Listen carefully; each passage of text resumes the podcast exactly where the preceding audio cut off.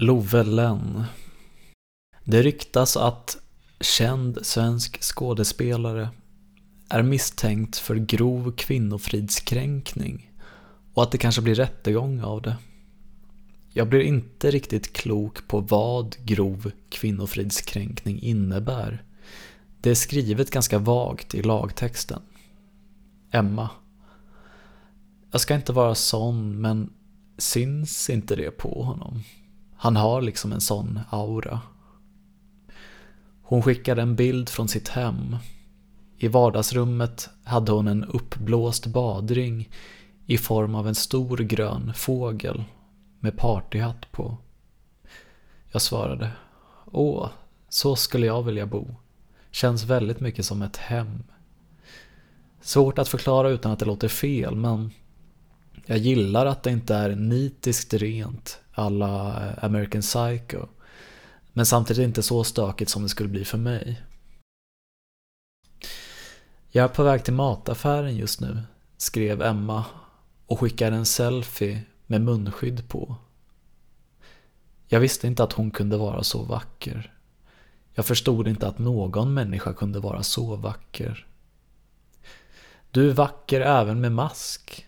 Köp något onyttigt, skrev jag och hoppades på det bästa. Hon svarade med att skicka en puss-emoji. Hände det där just? Och vad var det som hade hänt?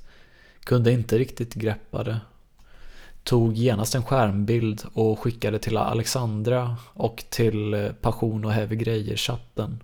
Som numera hette De älskade på Pont Neuf. Det enda folk kunde enas om var att det inte gick att dra några slutsatser. Var hon intresserad? Inte nödvändigtvis. Kanske. Lösryckt citat. Från mig då. Att läsa vad det är man köper överlag är för neurotiker. Bara köp något som ser bra ut. Sen får man veta vad det är när man äter det eller öppnar det. Vi skrev lite om min podd.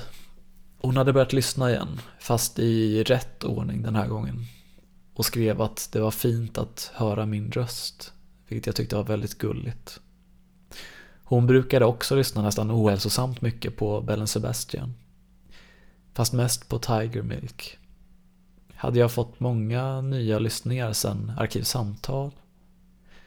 Jag skickade en skärmdump av statistiken 5000 nya lyssningar på en vecka. Det motsvarade mer än hälften av det totala. Så svar ja. Jag skrev Fan vad jag stör mig på Messenger just nu förresten. Jag får upp notifications som vanligt för eh, alla kontakter, förutom just dig. Det är ju tvärtom som jag vill ha det. Ska prova att starta om mobilen. Hon svarade att Den försöker bara få dig att fördela din tid bättre. Nu var klockan halv tio och Emma skulle borsta tänderna. Vilket jag besvarade. Men då kommer ju jag behöva sitta och ha tråkigt i flera timmar.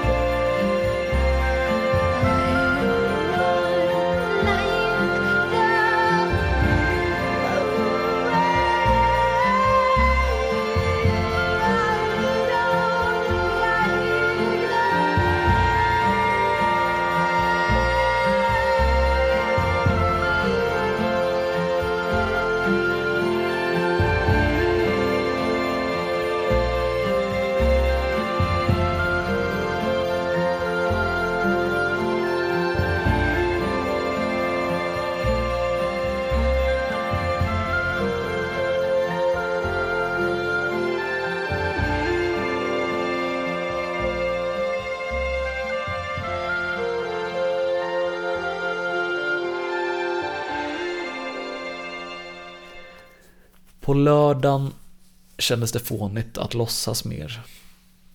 Jag hade just skickat en teckning jag gjorde av en kvinna som stod i jeans och eh, som inte hade något på överkroppen fast, fast bilden var liksom bakifrån. Jag skrev att den inte var så barnvänlig men Emma skrev att äh, barn kunde nog klara av den också. Ja, nej, den kanske inte är så explicit. Hade varit en sak om eh, referensbilden var tagen från en annan vinkel. Jag funderade på att göra ett av dig också. Ditt eh, ansikte då alltså. Min vanliga rutin, det vill säga. Jag skulle teckna ett porträtt av henne. Likt Jenny, likt Alexandra. Så som ovan, så även under. Ur jord var detta försök kommet och jord skulle det åter bli. Frågan var bara hur lång tid det skulle ta och hur långt jag skulle komma.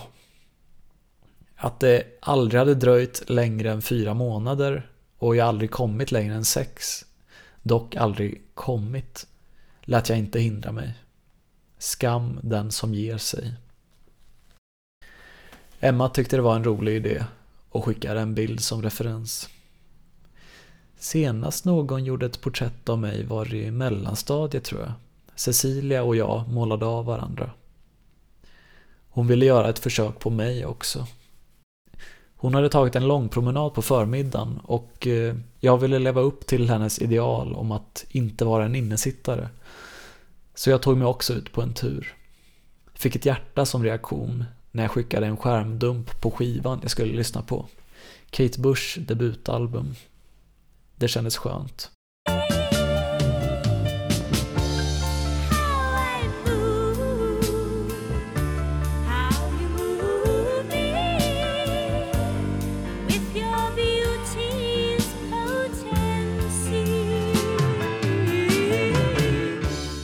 Det var en fin solig dag och jag gick upp till Sofia kyrka genom Vita bergsparken.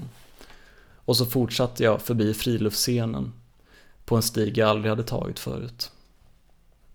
Husen var fina och jag tog några bilder där vintern glimmade från tegeltaken. Jag hade valt mobil bra. Kvaliteten var fantastisk. Men trots att jag hade tänkt vara ute i mer än en timme var jag tillbaka på rummet innan skivan var slut. Att det var så kallt var en stor anledning. Och vad gjorde jag där ute? Jag ville vara inomhus och skriva med Emma. Det kändes som i början med Jenny, då vi kunde skicka meddelanden fram och tillbaka dagarna i ända utan att tröttna. Jag skickade bilder från promenaden. Fint, skrev hon. Ja, väldigt fint, men väldigt kallt. Hon svarade att hon skulle köpa en halsduk till mig. Det är kallt att vara människa, skrev jag. Det är synd om människorna, skrev hon och skickade några bilder från boken hon höll på att läsa. Århundradets kärlekskrig av Brattström om Horace. Citat. Han sa Vad söker man till slut hos kvinnor? Skönhet? Bara i början. Sex? Ett tag innan sånt bleknar. Kamratskap? Knappast. Spänning i tillvaron? Det finns det nog av ändå. Nej, man söker godhet. Moderlighet? Jag säger godhet. En riktig mor är förstås god, men det betyder inte att mannen söker en ny mor i sin älskade. Han söker godhet, det enda man inte kan leva utan. Vi skickade lite musik till varandra.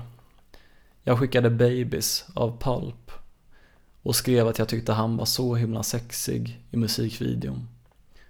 Hon hade hört låten men inte sett videon. Emma skickade en låt av Spiritualized. Jag hade hört bandet men inte låten.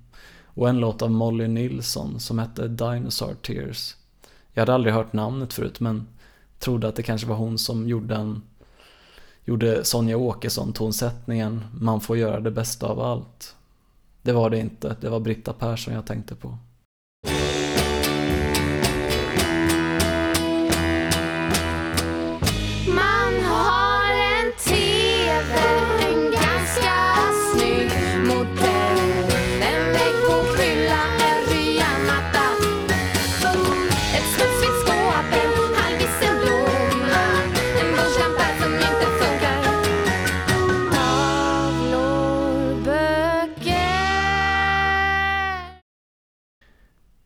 Renarna på Svalbard har ingen fast dygnsrytm, läste jag. Halva året är det ljust hela tiden. Andra halvan kolsvart. Mot kvällen, när mina fingrar var upptinade, blev jag färdig med teckningen. Jag tvekade med att alls skicka den. Jag var inte nöjd. Ett ganska konstigt långdraget ansikte. Äsch, låt se. Hon tyckte att man såg att det var hon i alla fall och skrev tack. Hon var väldigt glad. Åtminstone som hon låtsades. Jag vet, inte om, jag vet inte om jag hade blivit glad över ett sånt vanställt, osmickrande porträtt. Jag gjorde det tydligt att jag inte var nöjd och att hon inte skulle vara det heller. Jag skulle teckna ett nytt mycket bättre inom kort. It's a deal. Så blev det Emmas tur att visa sin teckning. Den led av motsatt problematik. Väldigt lik, men hon utgick från en ful bild. Det var som att se mig själv i spegeln på en dålig dag. Jag hoppades att det inte var så hon såg mig. Så jag vet inte om jag blev tacksam direkt, eller vad man nu ska säga. Men jag skrev såklart tack. Och jag var uppriktigt glad över att hon hade tagit sig tiden. Ingen hade någonsin gjort något sånt för mig förut. Jag frågade om hon hade lust att eh, prata i telefon en stund. Och jag lyssnade upp när hon sa ja. Jag skulle bara till Willys för att köpa folköl först. Vi pratade om relationer. Jag tog upp grejen med Alexandra som jag skämde så mycket för. Den gången jag hade sagt till henne att jag ville ta dejtens plats. Att jag önskar att det var jag som kom hem efteråt och hade sex och hjälpte henne glömma sitt ex. Emma tyckte inte det var något att göra en stor grej av. För hennes del fick man väl vara hur tydlig och ärlig som helst. Så länge man inte ställde några krav. Påminde om Alexandras inställning. Emma påminde överlag om en blandning mellan Alexandra och Jenny. På allra bästa sätt. Även om det kanske var att reducera henne till något hon inte var. Bara en känsla. Vi pratade om kultur. Emma tog upp en konstnär som kallade sig Nugg, N-U-G, och som, som examensarbete från Konstfack hade filmat när han klottrade ner en tunnelbanevagn. Territorial Pissings. Hon hade en kompis som hade gått på Konstfack samtidigt. Jag trodde att Emma skulle se på sådana saker som ren och skär vandalism, slöseri med skattebetalarnas pengar. Först ge honom gratis utbildning och sen som tack för det förstörde han så, så gott som allmän egendom. Men hon verkade tycka att konsten hade ett eget värde. Vem var hon att bedöma om något var konst eller ej? Inte för att det för den delen skulle finnas något undantag i lagboken. Straffet får väl ses som en del av det större konstverket. Kanske var hon lite extra svag för just det här exemplet. Hon hade sysslat en del med graffiti i yngre dagar. Dock på lagliga väggar och med konstnärlig verkshöjd. Inget vulgärt klottrande. Vi pratade också lite om politik och hon berättade om ett getto som hade bildats i utkanten av en av Englands gamla industristäder och hennes tankar kring det. Vad som gjordes fel och hur det istället skulle lösas och så vidare. Det var inget jag hade hört talas om. Så vårt samtal var bildande och intellektuellt stimulerande att höra Emma resonera och försöka bemöta eller vidareutveckla hennes argument. Det var också roligt. Jag fick henne att gapskratta flera gånger. Och jag kände verkligen att vi kom närmare varandra på ett känslomässigt plan. När jag ringde upp tog jag första klunken av den första 3-5 och när hon la på hade jag druckit ur den sista. Emma skrev godnatt och skickade en puss-emoji. Jag svarade med likadan och undrade återigen hur jag skulle tolka det här. Det fick jag fortsätta reda ut med Alexandra lite senare. När jag vaknade hade hon skrivit god morgon. Var det någonsin så här bra med Jenny? Jag ville tro det, men mitt minne är inte objektivt. Det kan mycket väl ha målats om i rosenskimrande art nouveau. En sak var säker. Jag hade pratat med Emma nonstop i fem timmar. Och jag är ganska säker på att jag aldrig hade haft ett sånt telefonmaraton med Jenny. 6 gånger 50 centiliter på 3,5% var mer alkohol än jag mindes det som. Jag blev rejält berusad, snurrig och allt. Helvetesveckan var sannerligen långt borta. Och dagen efter skulle jag göra hela flyttstädningen. Utgår man från chatten så städade jag i princip hela dagen. Det gjorde jag ju inte, men jag ville få det att verka som att jag arbetade flitigt så att Emma inte skulle inse vilken slarver och fuck up jag var. Jag hade redan börjat ljuga om vem jag var. Bra jobbat. Det var inte så himla bråttom, för rummet skulle inte användas till något innan barnet kom. Prio var att göra mig av med allt skräp och packa ner alla grejer. Jag kunde komma tillbaka vid ett senare tillfälle för att dammsuga och så. Avbrott i städningen. Emma hade hittat ett citat ur en kvartalpodd om Norén som hon hade alluderat till i vårt 306 minuter långa samtal kvällen innan. Och som hon tyckte hade viss beröring med mitt skapande. Allt i ditt liv är till för konsten. Och just det här otroliga dokumenterandet av en massa ointressanta detaljer av vad han håller på med.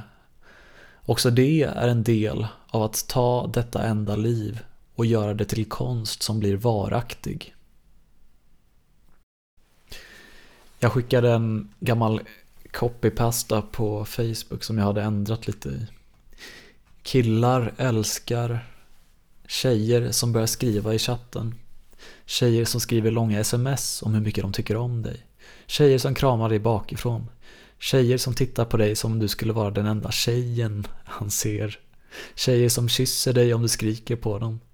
Tjejer som inte bara skriver okej okay, utan snarare ger ett något längre svar tillbaka. Tjejer som vågar visa sina känslor för dig framför andra. Tjejer som ger eller lånar ut sin hoodie. Tjejer som alltid tar i hand. Tjejer tar din hand. Tjejer som älskar dig för den du är. Och min kommentar på den här skämdumpen var då jag tog någon copypasta och eh, ja, men byter, bytte könen. Missade dock att byta på ett ställe. Det är ju pinsamt vilka löjliga saker man skrev på Facebook.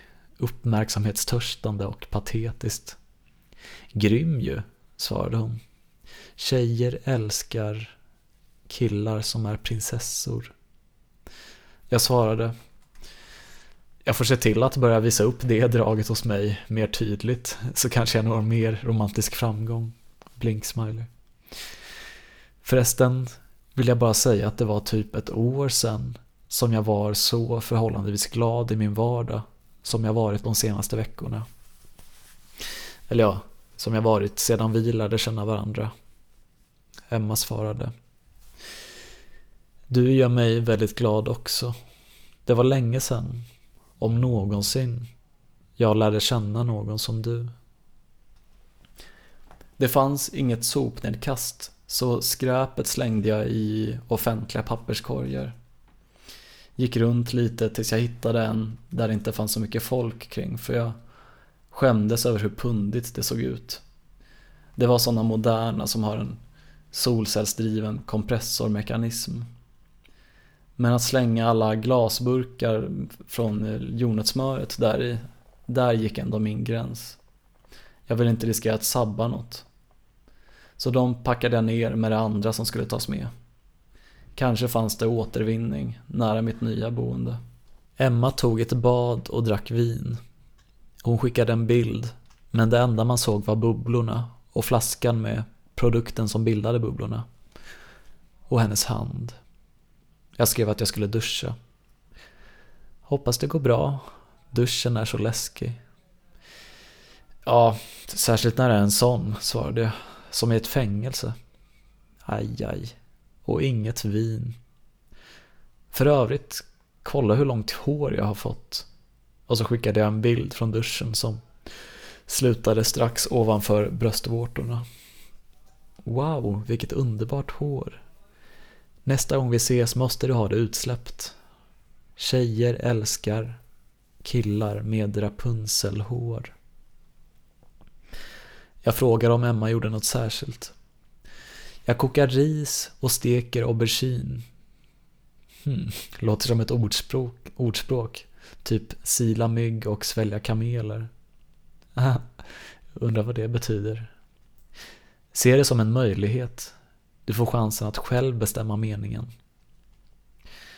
Lösryckt citat.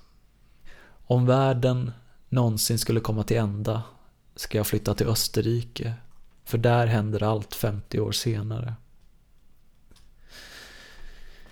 Jag hade såklart inte brytt mig om att packa upp särskilt mycket eh, till rummet på Skånegatan eftersom jag visste att jag skulle behöva flytta så snart.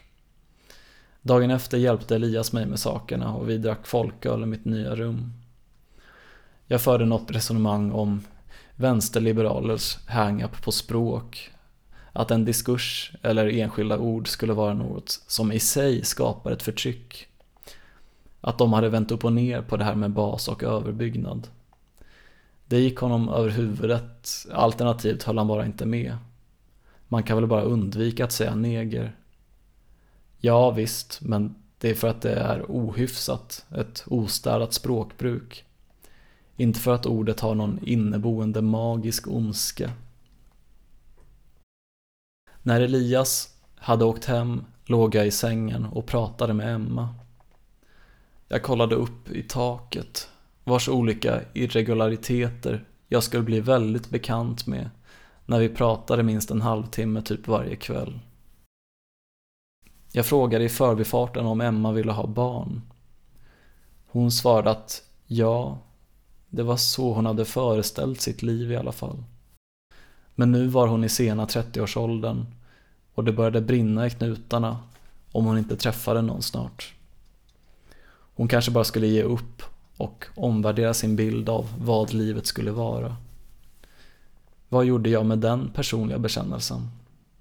Jag satt och gottade mig. Hoppades att hon skulle ge upp eller att hon till slut skulle bli så desperat att överväga mig som babypappa. Nej, vad fan höll jag på med? Det var så idiotiskt allt sammans. Jag visste vad som höll på att hända. Och jag visste vad det skulle leda till. Med alla rationella argument försökte jag förhindra det känslomässiga skeendet. Som att någon som Emma någonsin skulle bli intresserad av mig. Mig av alla personer. Men det var svårt att hejda. Speciellt som Emma var så medgörlig. De känslor som bubblade upp var fula och felriktade. Jag borde snarare försöka med Mikaela. Där kanske jag hade en ärlig chans eftersom hon var nyligen utkommen ur ett förhållande och lite extra känslig och svag. Och hon bodde ju i samma stad, vilket var en fördel rent praktiskt. Emmas uppkoppling strulade lite så vi satte punkt. Dessutom var hon trött redan, så vi sa godnatt. Hon var verkligen ingen nattuggla. Hon kunde gå och lägga sig vid klockan nio på kvällen utan problem. Hon somnade direkt och så vaknade hon klockan fem, även om hon skulle åka hemifrån först vid åtta. Jag avundades hennes biologi, för jag hade alltid så svårt att somna. Men samtidigt lät det som en tråkig tillvaro en uppstyrd tråkmåns. Oh, I guess it couldn't last too long. I came home one day and all the things were gone. I fell asleep inside. I never heard her come.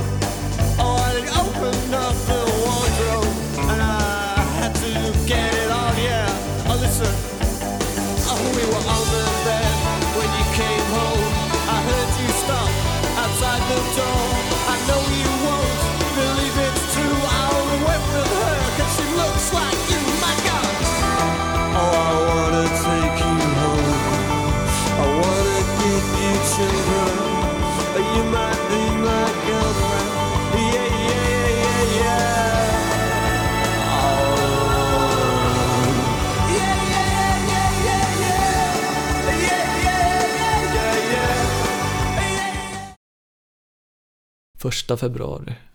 Jag skrev till Emma. Jag provade att sova helt naken för första gången på ganska länge. Men det blev rätt kyligt. Får vänta tills årstiden hinner ikapp mitt lynne. Jag och Emma skrev och diskuterade min och äldre kvinnors komplicerade attraktion för varandra. Hon tänkte på det här att Jenny slash Maja inte tänkte att det kunde bli något av förhållandet på grund av åldersskillnaden.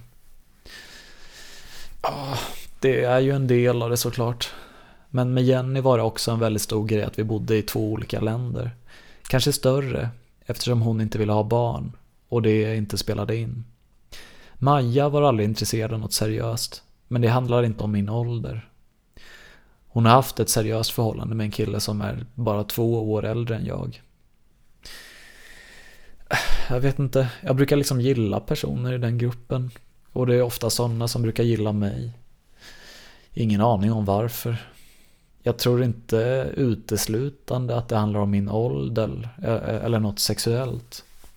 Jag kanske har vissa egenskaper som värderas högre i den generationen bara. Hon svarade. Ja, så är det helt klart. Antagligen eh, allmänna intressen. Det sker dock i kombination med ditt sätt att ge uppmärksamhet. Män i min ålder som har intressanta intressen brukar vara väldigt fokuserade och har i allmänhet inte tid att lyssna eller engagera sig i en annan människa, enligt mina observationer. Jag skrev Om jag får lov att vara riktigt självupptagen en stund, vad ser du hos mig? Eh, inte, inte som i de andra exemplen utan mer rent eh, socialt slash eh, vänskapligt. Att du lyssnar och har ett klokt sätt att resonera och reflektera. Du har också ett bra ordförråd och har intressanta intressen. I allmänhet har du en bra attityd till kunskap tror jag, men det hänger ihop med att du lyssnar. Jag svarade Jag tycker ju om dig väldigt mycket för att du är smart. Jag känner att vi har en hel del gemensamt. Men framförallt för att du är både intressant och intresserad. Det är en oslagbar kombination. Emma satt och drack te och skickade en bild på bladen. Hon tyckte det såg ut som en mustasch. Plus skägg. Plus skepparmössa, skrev jag. Vad var det för te den här gången förresten? Milky Oolong. Hon skickade låten Oolong och Lucky Strike. Hon frågade om ungdomen lyssnar på Cirkus Miramar nu för tiden. Ja, uppenbarligen inte. Jag hade aldrig hört talas om dem. Emma tyckte att jag skulle lyssna på samlingsskivan Fisk och skaldjur i svenska vatten. Så fäller björken sina löv, den säger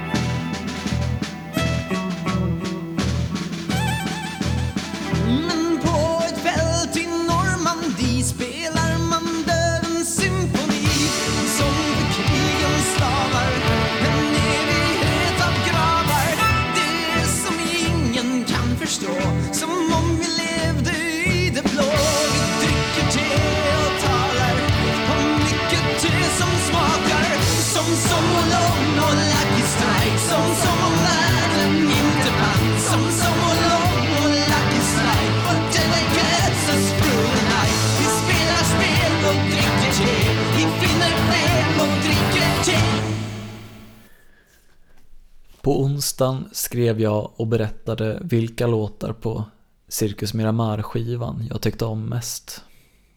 Jag passade på att tipsa om en låt jag tyckte mycket om, som alltid rörde mig till tårar. Jag tycker det är så fint, rörande och bitterljuvt med raderna. Någonstans måste man hamna. Det är möjligt att vi når dit, men det får bli en annan årstid. Vet inte varför just det skapar så starka känslor hos mig. Emma. Jag blev både rörd och ledsen av första halvan av texten. Jag är lite känslosam mest hela tiden nu. På kvällen träffade jag Alexandra för första gången sedan utflyttningsfesten. På Carmen. I sällskap av några andra från gänget. Det var trots allt onsdag. När jag kom in och satte mig kramades vi och sen kunde hon knappt prata på någon minut för att hon var så rörd av att se mig. Jag saknade henne också. Men inga tårar kom, för jag hade inte varit isolerad i Trollhättan i ett halvår. Hon frågade hur det gick med kvinnorna i mitt liv. Ja, jag visste inte. Väldigt osäkert med Emma. Jag visste inte hur jag skulle tolka hennes eventuella signaler. Även om de var positiva ville jag inte ropa hej för tidigt. Det kändes högst osannolikt att hon skulle vara intresserad av något sånt. Från Mikaela hade jag fått klara direktiv bara tidigare under dagen. Både goda och dåliga nyheter. De goda var att hon faktiskt hade skrivit att hon var lite attraherad av mig. De dåliga var att hon tyckte det var en väldigt dålig idé att något skulle hända. Hon var i ett känsligt läge och åldersskillnaden gjorde att det ändå inte kunde leda till något långvarigt. Och hon var verkligen inte redo för ännu ett avslut. Så jag visste inte vad jag skulle göra. Det var fortfarande att sikta mot allt för höga stjärnor, att ta mig an Emma. Men jag hade inget annat hopp. Det kändes ännu mer hopplöst att försöka vända om någon som jag redan fått ett nej av. Emma hade inte givit något tydligt svar för jag hade aldrig vågat fråga. Sen spelade jag upp en Cirkus Miramar-låt för Alexandra, men den gillade hon inte. Jag tog en bild med henne som jag skickade till Emma och skrev att jag hoppades att hon fick träffa Alexandra någon gång. Hon skulle älska dig. Det implicita, precis som jag gör, lät jag stå mellan raderna. När Alexandra hade givit sig iväg till Josefs mamma i Årsta blev jag bjuden på cigg av Koski och stod och rökte med honom och baronen. Inte något vidare angenämt. Jag kom hem, skrev godnatt till Emma och la mig i sängen och fantiserade om det som kunde bli i min vildaste fantasi men som var för osannolikt att hoppas på. Sängen var för stor för lakanet som blev skrynkligt och inte nådde hela vägen fram i ena änden. Det är väl så verkligheten oftast ter sig. 4 februari. Verkar som Gröna Lund ska öppna till sommaren, fast de ska följa restriktioner och så. Om jag får jobb där igen får du komma förbi mig vid kiosken och se hur det går till, förutsatt att jag hamnar i samma avdelning. Det vill jag jättegärna göra. Vi skrev lite om våra respektive bokhyllor, eller ja, hennes bokhylla och min hög med böcker jag hade staplat på varandra på min nya byrå. Hon hade ett nummer av Galago och en bok av Nanna Johansson. Båda kändes väldigt oväntade. Du måste läsa Hey Princess. Den ska du få låna nästa gång du är i Sverige. Men eh, puss och godnatt på dig. Hoppas du sover bättre än jag gjorde senaste natten. Puss puss, svarade hon. Hon psykade ur mig totalt. Varför skrev hon så? Kunde hon vara intresserad? Det gick inte att veta. Men en, en puss i text måste väl motsvara en puss i verkligheten? Eller? Jag blir galen. Lördag 6 februari. Jag blir sexuellt attraherad av gravidmagar. Av graviditet överlag. Så är det bara. Emma tyckte att det var konstigt och att jag var ovanlig. Jag skrev att så konstigt tyckte jag inte det var. Jag har inga småsyskon, så jag såg aldrig min mor havande, men vi hade en bok hemma som hade ett foster i livmodern på omslaget och hette typ Ett liv blir till. Det var ett tidigt sexuellt minne när jag som liten pojk i smyg plockade fram boken och satt och tittade på en bild på en naken gravid kvinna. Och så värst ovanligt kan det inte heller vara. Vi kan inte ha varit den enda familjen som hade den boken. Emma skrev att hon ville sätta igång med något roligt projekt. Hon kände sig rastlös. Det borde du göra. Vet inte vad dock. Vänta, till en, till en början, ett litet projekt då. Skulle du kunna göra en eh, spellista med typ 10 låtar till mig? En som är någorlunda representativ för din musiksmak. Eller bara som du tycker jag borde höra. Så gör, så gör jag en likadan till dig. Gjorde så med Alexandra när vi lärde känna varandra.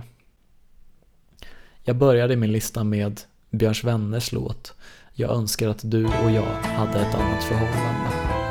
Det var en medveten signal.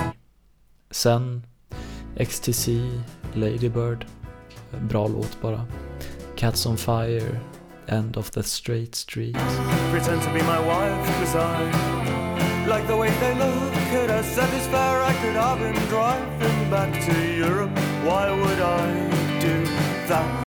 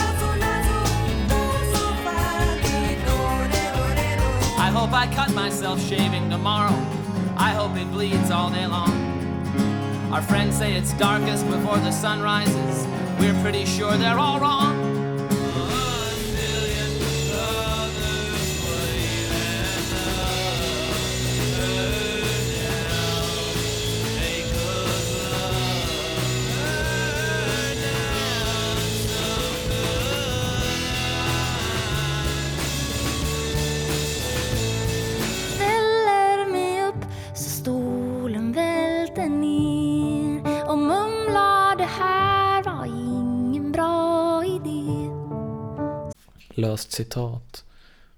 Emma. Jag har inte så, så många kompisar med poddar. Jag. Jag har inte så många kompisar som inte har poddar.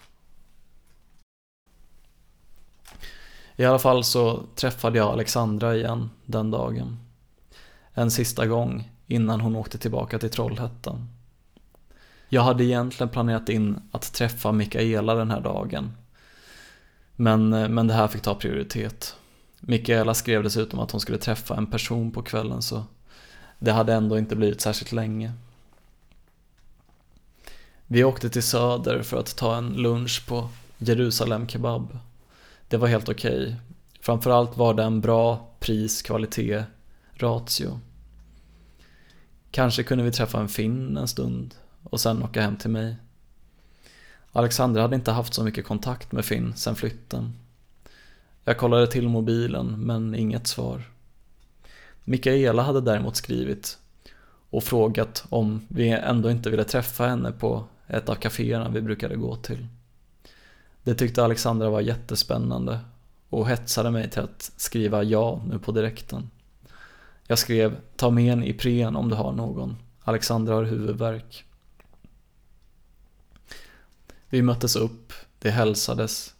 Alexandra fick sin Ipren och allt var bra. Det var den sista, sa Mikaela. Hon hade tagit de andra för att motverka mensvärken som hon upplevde som särskilt kraftig. Kvinnorna pratade mens ett slag. Alexandra hade förvisso inte upplevt den de senaste åtta månaderna. Sen gled samtalet sömlöst över till sex. Framförallt tidiga sexuella minnen gnida sig mot soffkuddar och gosedjur och så vidare. Och det älskade Alexandra såklart. Hon var ju lagd så. Mikaela verkar inte heller känna någon skam över sånt. Jag tog upp några egna minnen men det kändes lite mer motbjudande att måla upp bilden av en ung pojke som drar ett hopprep genom stjärtspringan. Mikaela skulle hem för att samla sig inför kvällen. Jag och Alexandra gick iväg och tog gröna linjen mot Odenplan. Hon verkar gilla dig, sa Alexandra.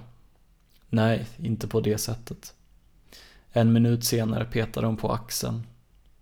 Vad? fnissade jag fram. Hon petade igen. Jag petade tillbaka. Hon petade igen och viskade i mitt öra. Jo, jag tror hon gillar dig på det sättet. Jag borstade bort hennes finger som man gör med en irriterande mygga och vände blicken åt höger, ut genom fönstret. Där såg jag inget annat än en dubbel spegelbild, för vi åkte genom en tunnel. Jag köpte lite folköl åt mig själv och Alexandra såg på burken med en trånande blick när jag tog min första klunk. Det är över snart, sa jag. Vi satt och pratade en stund i köket. Sen när min rumskamrat kom hem gick vi in i mitt rum. Vi pratade inte så mycket utan låg bara bredvid varandra på sängens tvärsida och lyssnade på musik. Jag spelade upp sånt jag gillade. Hon, hon sa inget annat så det var väl lugnt. Blundade. Sen kollade jag upp i taket och reste mig upp och frågade om jag fick känna på hennes mage ifall barnet sparkade. Det fick jag. Men barnet sparkade inte. Konstigt, det brukar hon göra. Hon la sin hand på min och det var ett väldigt fint ögonblick. Vi väntade en stund till men hon drog bort sin hand och la sig på sidan och sa att hon mådde dåligt.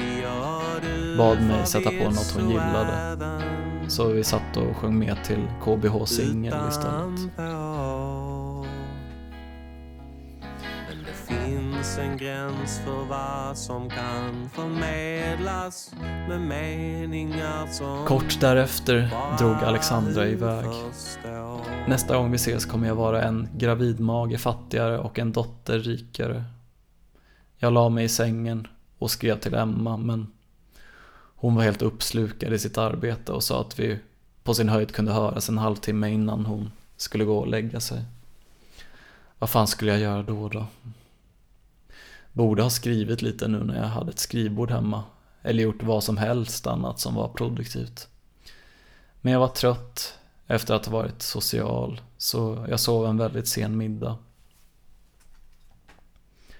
Jag vaknade allt för sent, halv åtta typ, av att telefonen ringde. Jag hann inte svara, men jag reste mig upp, sträckte på mig och gnuggade sömnen ur ögonen och ringde tillbaka. Det var Mikaela som undrade om jag ville komma över då hennes planer för kvällen hade blivit inställda. Jag hade aldrig varit hemma hos henne förut. Ge mig 40 minuter, sa jag och tog av mig kläderna för en snabb dusch. Det märktes tydligt att hon hade sminkat upp sig för en dejt. Men hon hade bytt om till mjukisbyxor bland annat. Tråkigt för henne men kul för mig. Även om vi bara var vänner var hon extra fin att titta på. I ansiktet i alla fall. Och bara det att jag fick chansen att åka hem till henne.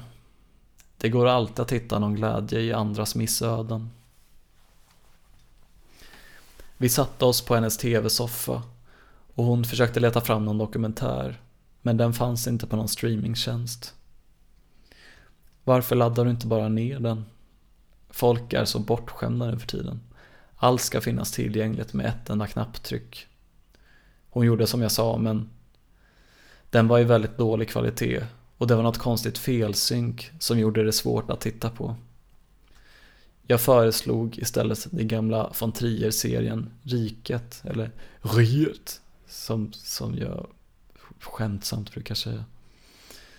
Den hade hon inte sett, men verkade intresserad, så det var ju perfekt så himla snabbt internet hon hade också.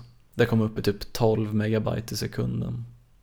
Jag tänkte på hur det var när jag var ung tonåring och det maxade på 200 kilobyte i sekunden. Glad att det inte var så längre. Det började bra Vi satt och skrattade åt Ernst-Hugos oförstående och förbluffade blickar och imiterade de mongoloida danska diskvaskarna. Mycket roligt. Den små underliga stämningen började smälta bort. Mikaela plockade fram 3-5 Carlsberg och hon höll med om att de luktade lite cannabis.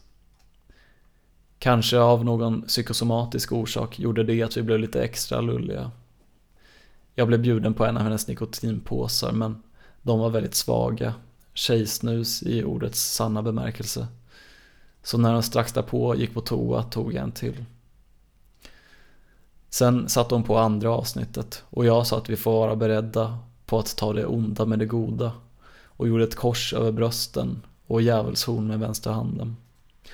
Varpå jag fejdade ut ur bild. Vi var mer avslappnade och varma i kläderna vid avsnitt två. Vi bredde ut oss i soffan. Mikaela la sig lite på sidan i andra hörnet. Hon la upp sina ben, inte tillräckligt långt för att de skulle vidröra mina. Men det rättade jag snabbt till. Förflyttade mig så diskret jag kunde några snäpp till vänster. Hon fixade till sin egna position lite och kontakt uppstod. Jag tänkte först att det var ett misstag. Men hon flyttade inte på benet. Jag väntade några minuter och la sen min hand försiktigt på ankeln och drog försiktigt fram och tillbaka. Upp på smalbenet och ner igen till foten. Noga med att inte trigga kittelreflexen. Mikaela satte sig upp och lutade sitt huvud mot min axel. Jag kände mig för förbi hennes hår och tog en omväg till att hålla om henne. Upp med armen över soffryggen och hennes axel. Hon blev tvungen att rätta till sig lite igen för att hamna i en bekväm ställning. Det var inte så jävla komfortabelt, men det var väl inte heller meningen. Jag hade varit bekväm ett år och jag avskydde det. Min destination var det vilda och outforskade. Medan Mikaela hade varit obekväm i tre månader och ville tillbaka till det varma trygga. Men på grund av våra respektiva utgångslägen, låt oss säga kartprojektioner, min cylindrisk och hennes konisk, överlappade de stora röda kryssen perfekt om man höll upp dem mot solen. Eller TV-skärmen i det här fallet. Jag ska inte säga att jag famlade i totalt mörker. Jag hade varit med om det här förut, men Mikaela var en ny person och det blev mycket känna sig fram. Eftersom inget var uttalat, ingen av oss låtsades med ord om vad som höll på att hända, var allt potentiellt förbjudet. Det ska sägas att många ser det som ett spänningsmoment i sig, men jag är ingen adrenalinjunkie. Det var som att komponera en låt, eller automatskriva ett diktverk på hennes arm, ben och mage. Kunde bli mitt magnum opus, kunde lika gärna bli ett fiasko. Allt berodde på hur det mottogs av publiken. Blev det för mycket fick hon väl kasta ruttna tomater på mig. Mikaela vände upp sitt huvud och kollade på mig intensivt med vidöppen mun. Jag mötte henne med stängda ögon. Och så hände det till slut. En dry spell på 12 månader var bruten. Hon kysste mig våldsamt. Det var en dans och jag var ingen van dansare. Men det var hon som ledde och jag som följde. Eller ett samtal. Hon ställde frågor och jag svarade. Eller en imitationslek där hon hade gjort det första lätet. Jag var mycket mer bekväm med den dynamiken. Hon slängde bollar som jag fångade. Jag var såklart ingen passiv mottagare bara, men jag, jag spelade efter de regler hon hade etablerat med första draget. TVn stod på, men vi såg inget av avsnittets sista 15 minuter. Det började hetta till, men jag ursäktade mig till toaletten. Man blir ju väldigt kissnödig av folköl och jag ville inte ha några plötsliga avbrott om det gick längre än så här. Och så behövde jag såklart samla tankarna. Det var ju inte vardag för mig direkt. Emma hade skrivit Nu kan vi prata. och sen igen lite till och sen 20 minuter senare hade hon skrivit godnatt, hjärta. Jag svarade inte. Jag skrev du hade nog rätt till Alexandra och tvättade kuken i handfatet. Tillbaka på slagfältet. Någon omedelbar fysisk konfrontation blev det dock inte. Det var vapenvila när Mikaela också pudrade näsan. Hon kanske också hade samlat sig lite, för när hon kom tillbaka frågade hon Nå, var var vi? Jag kollade på henne och log.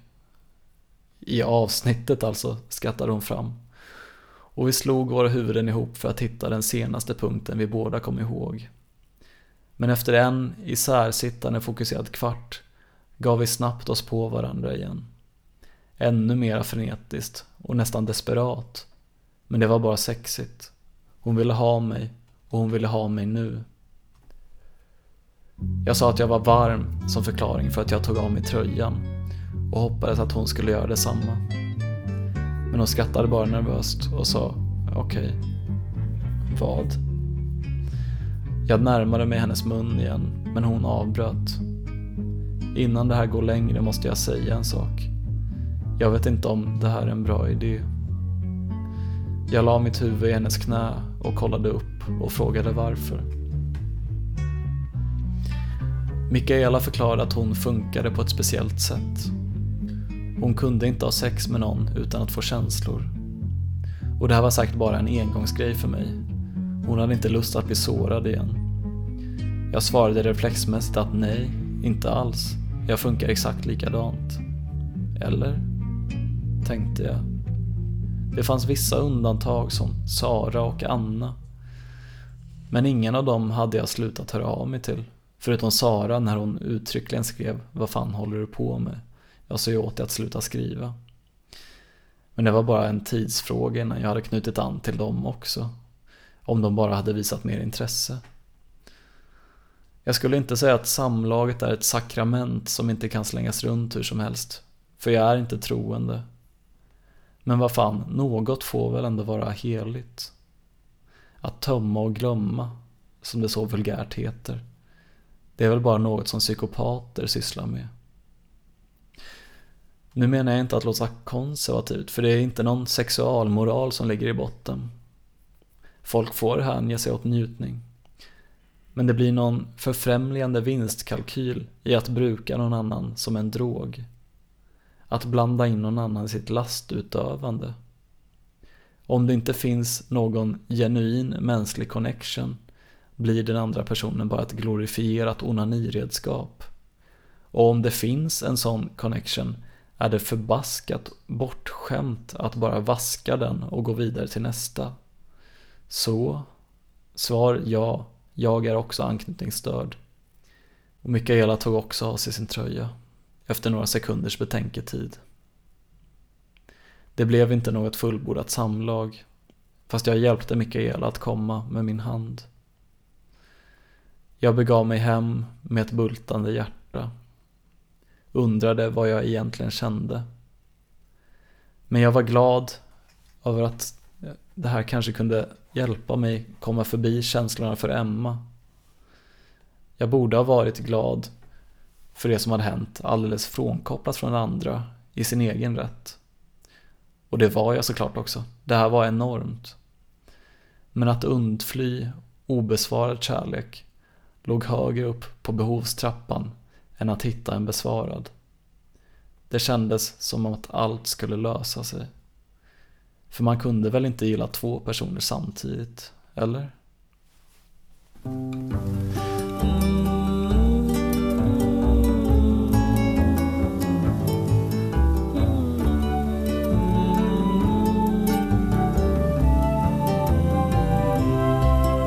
Jag köpte ingen halsduk jag köpte ingen vinterkappa och inga andra klädesplagg jag lovat dig att införskaffa.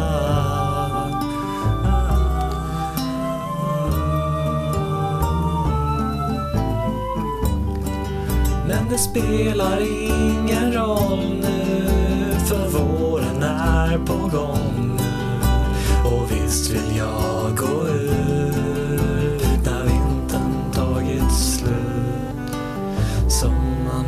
Sommaren är snart